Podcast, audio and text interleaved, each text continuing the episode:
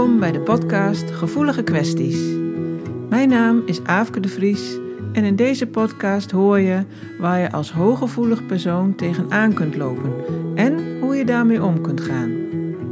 Dit doe ik door het delen van tips, ervaringsverhalen, interessante inzichten, informatie en interviews. Om jou te helpen jezelf beter te snappen en blijer te worden met jezelf. Ik wens je veel luisterplezier.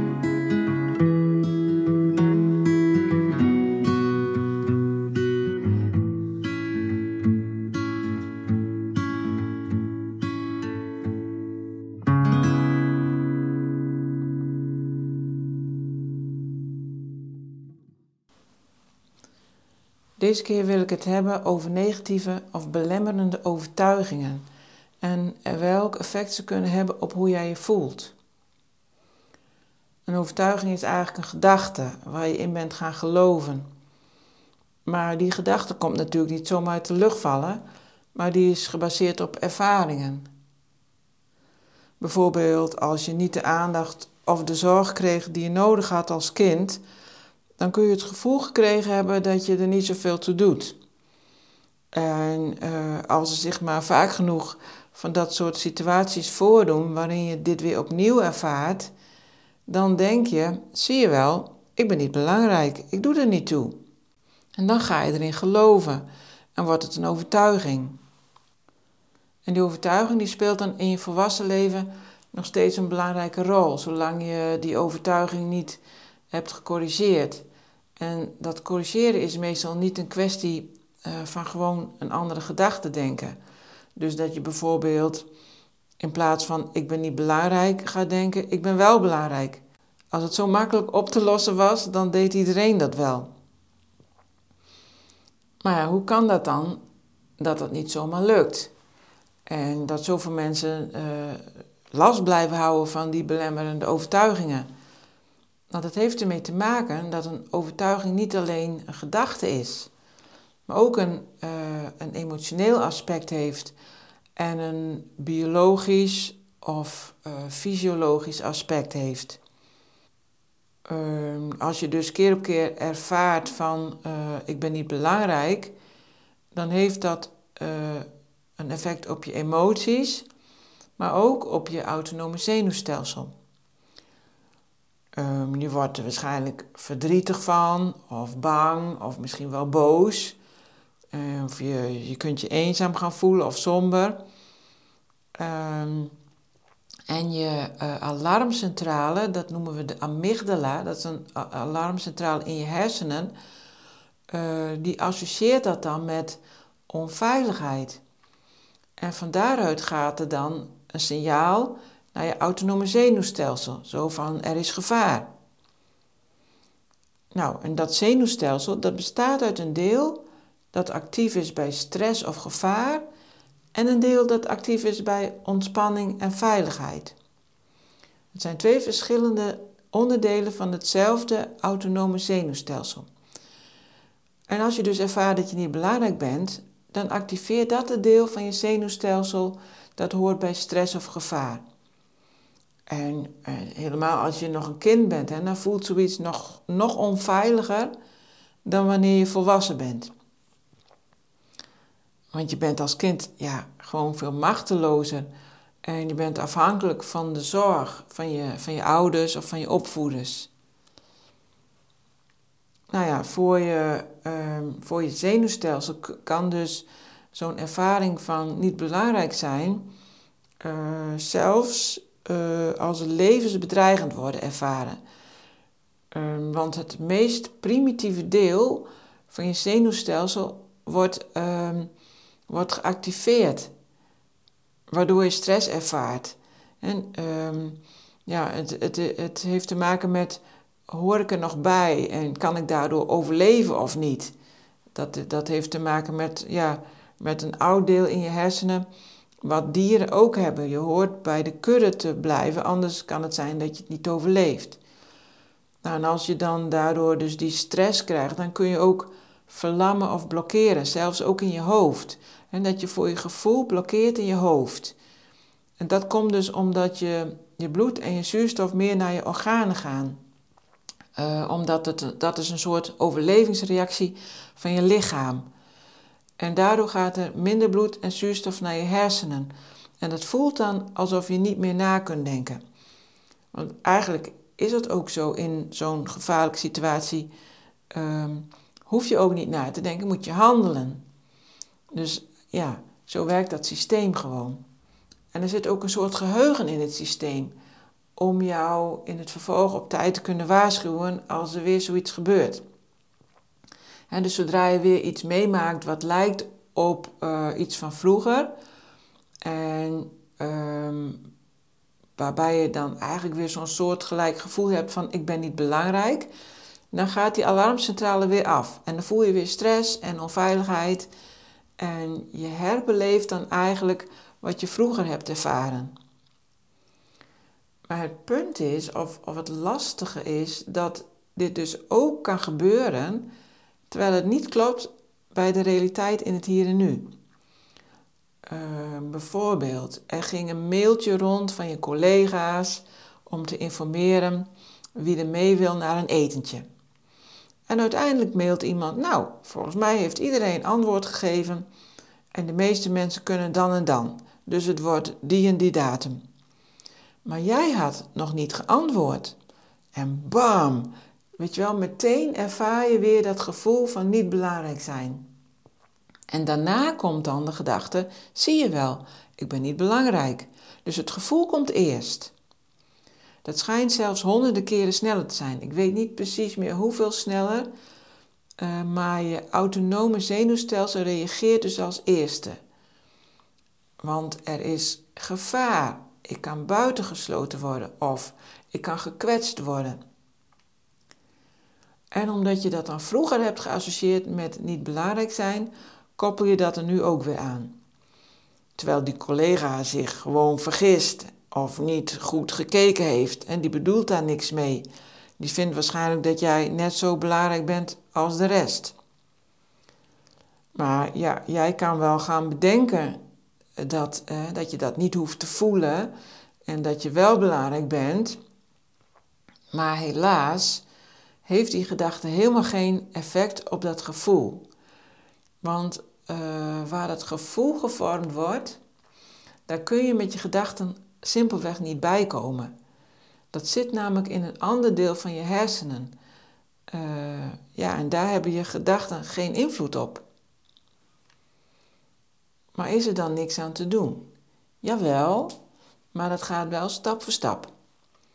Het begint dus met het herkennen van dit mechanisme. En wanneer gaat die alarmcentrale af enzovoort, wat ik net heb uitgelegd. En daarna komt een hele belangrijke stap, namelijk het erkennen en toestaan aan jezelf dat je zo mag reageren.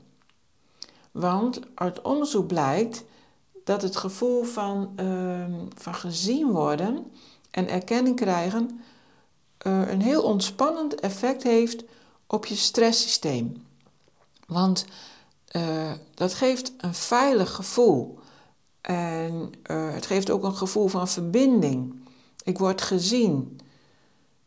En ook al ben jij zelf degene die jou ziet en erkenning geeft, toch werkt het zo. En waar je stress ook van uitdooft, is van EFT, Emotional Freedom Techniques. Um, ik ga nu niet helemaal uitleggen hoe dat precies werkt, maar kort gezegd zou je kunnen zeggen um, dat EFT dus die alarmcentrale uitzet. En als, het, uh, als je het goed doet, kun je ook nog die alarmcentrale uh, een soort van herprogrammeren. Dus dat hij niet steeds bij hetzelfde, op hetzelfde uh, onderwerp in de stress schiet. En dus dat je zenuwstelsel niet steeds weer bij elke ervaring die dan lijkt op, op wat je vroeger hebt ervaren, bijvoorbeeld van niet belangrijk zijn, dat die dan steeds weer uh, in de stress gaat. Nou, dat is natuurlijk super fijn als dat kan. En met EFT kun je daar heel ver mee komen. En je kan je dus voorstellen, als die, die fysieke stressreactie dus uitblijft, dat je dan ook niet meer die gedachte krijgt van ik ben niet belangrijk, want die blijft dan ook gewoon uit. En het mooie daarvan is dat er dan vanzelf weer meer ruimte ontstaat uh, voor een ander gevoel of een positievere gedachte. Bijvoorbeeld, uh, ik mag er zijn of ik ben net zo belangrijk als iemand anders. Maar je moet het dan dus wel in deze volgorde doen.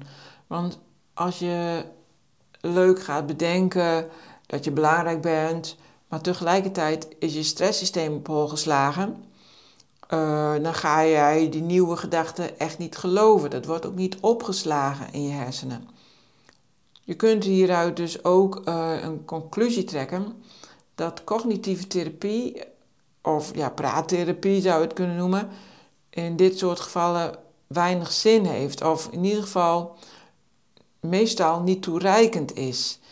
Uh, zolang dat niet gecombineerd wordt met, met een techniek zoals EFT of bijvoorbeeld non-verbale therapie, zoals beeldende therapie of muziektherapie. Want die grijpen dus veel meer in in dat fysieke proces. En die, die stoppen dat stresssysteem. En die geven dus ook ruimte aan de emoties die je daarbij ervaart. En dat is veel beter dan dat je dat naar binnen slaat, want dat blokkeert ook weer. Het is ook bekend dat ademhalingsoefeningen heel effectief zijn. En als je vaker naar mijn podcast luistert, dan heb je in aflevering 11 kunnen horen um, hoe Marleen van den Hout dat doet met haar HFS-ademhaling. Ehm, die kun je zo terugluisteren. En deze, deze ademhaling zorgt er namelijk voor dat, um, dat je niet het stressdeel activeert, maar juist dat positieve deel van je autonome zenuwstelsel activeert. Dus wat gaat over die ontspanning en dat zelfhelend vermogen. En uh, met deze oefening ontspan je ook uh, je bekkenbodemspieren. En die hebben een verband met het, met het meest basale gevoel van veiligheid in, in jezelf. Dus als die spieren ontspannen, voel je je van binnen veiliger. En dat doe je nou precies met die ademhaling. Dus luister deze aflevering gewoon even terug. En uh, Marleen legt je die oefening uit. En je kunt er dan ook meteen aan meedoen. En dan kun je het ervaren wat het met je doet. Nou, ik hoop dat het wat duidelijkheid geeft over, ja, over die hardnekkigheid van negatieve overtuigingen. En ik heb het voorbeeld gebruikt van, ja, ik ben niet belangrijk, maar het maakt natuurlijk niet uit om welke overtuiging het gaat. Ik doe er niet toe, ik ben lelijk, ik ben dom, ik doe het niet goed, ik hoor er niet bij, ik kan niks, ik ben machteloos, uh, het leven is aan mij niet besteed, of ik heb iemand anders niks te bieden, noem maar op. Dat zijn stuk voor stuk gewoon ja, woorden, maar die zijn gekoppeld aan een onveilig gevoel wat jij hebt ervaren. Daar gaat het vooral om. En overtuiging, je zou dat dus eigenlijk kunnen zien als een, als een combinatie van dat ervaren van emoties of spanningen uh, naar aanleiding van een, van een gebeurtenis of van een ervaring die je hebt gehad. Waarbij je stresssysteem is aangegaan en waarna je toen dus uh, daar achteraan pas een gedachte hebt gekoppeld. Of dat je er een conclusie uit hebt getrokken. Zie je wel dit of dat? En meestal heb je dit uh, vaker dan één keer ervaren. Want ja, in heel veel gevallen heb je niet na één keer al een overtuiging gevormd. En wat ik trouwens nog niet heb genoemd, is dat het niet per se uh, om een grote gebeurtenis of een heftige ervaring hoeft te gaan, waardoor je stresssysteem getriggerd wordt. Zowel vroeger als in het hier en nu. Want het kan ook zijn uh, dat dat gebeurt door het aanvoelen van een bepaalde sfeer of een bepaalde energie. Die bijvoorbeeld lijkt op, op iets wat je vroeger hebt gemerkt. Of een zintuigelijke waarneming. Um, zoals een blik van iemand. Of een bepaald geluid. Of zelfs een geur of een smaak.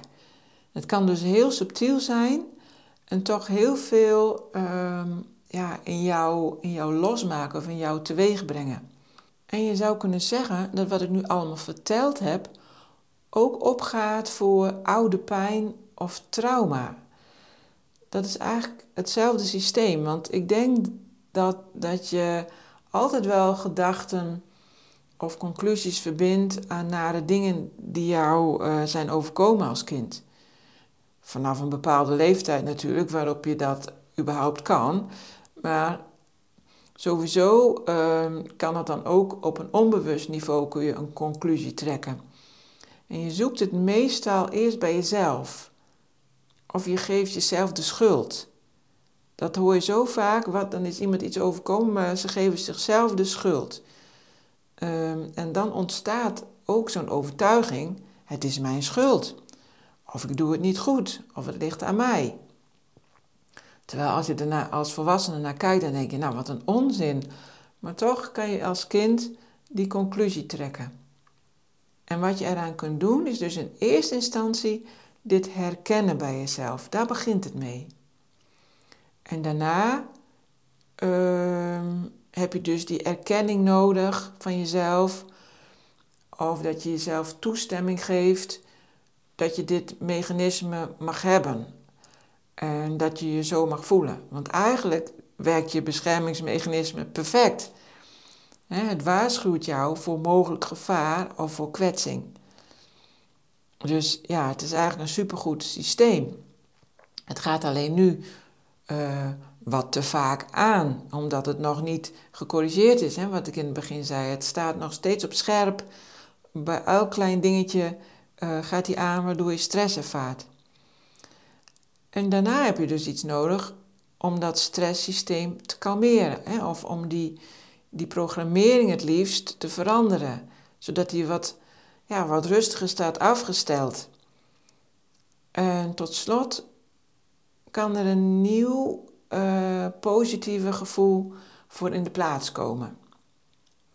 Nou, dat zou natuurlijk een prachtig resultaat zijn. En met EFT, nogmaals, kun je daar heel ver in komen. Nou, mocht je hier nou hulp bij willen hebben, dan weet je me te vinden. Uh, je kunt ook het EFT basispakket bestellen. Dat is een online pakket. Dan kan je het zelf oefenen. Uh, daar heb ik heel veel mooie video's ingezet waarmee je gelijk uh, aan de slag kunt. En dan kom je ook al een heel eind mee.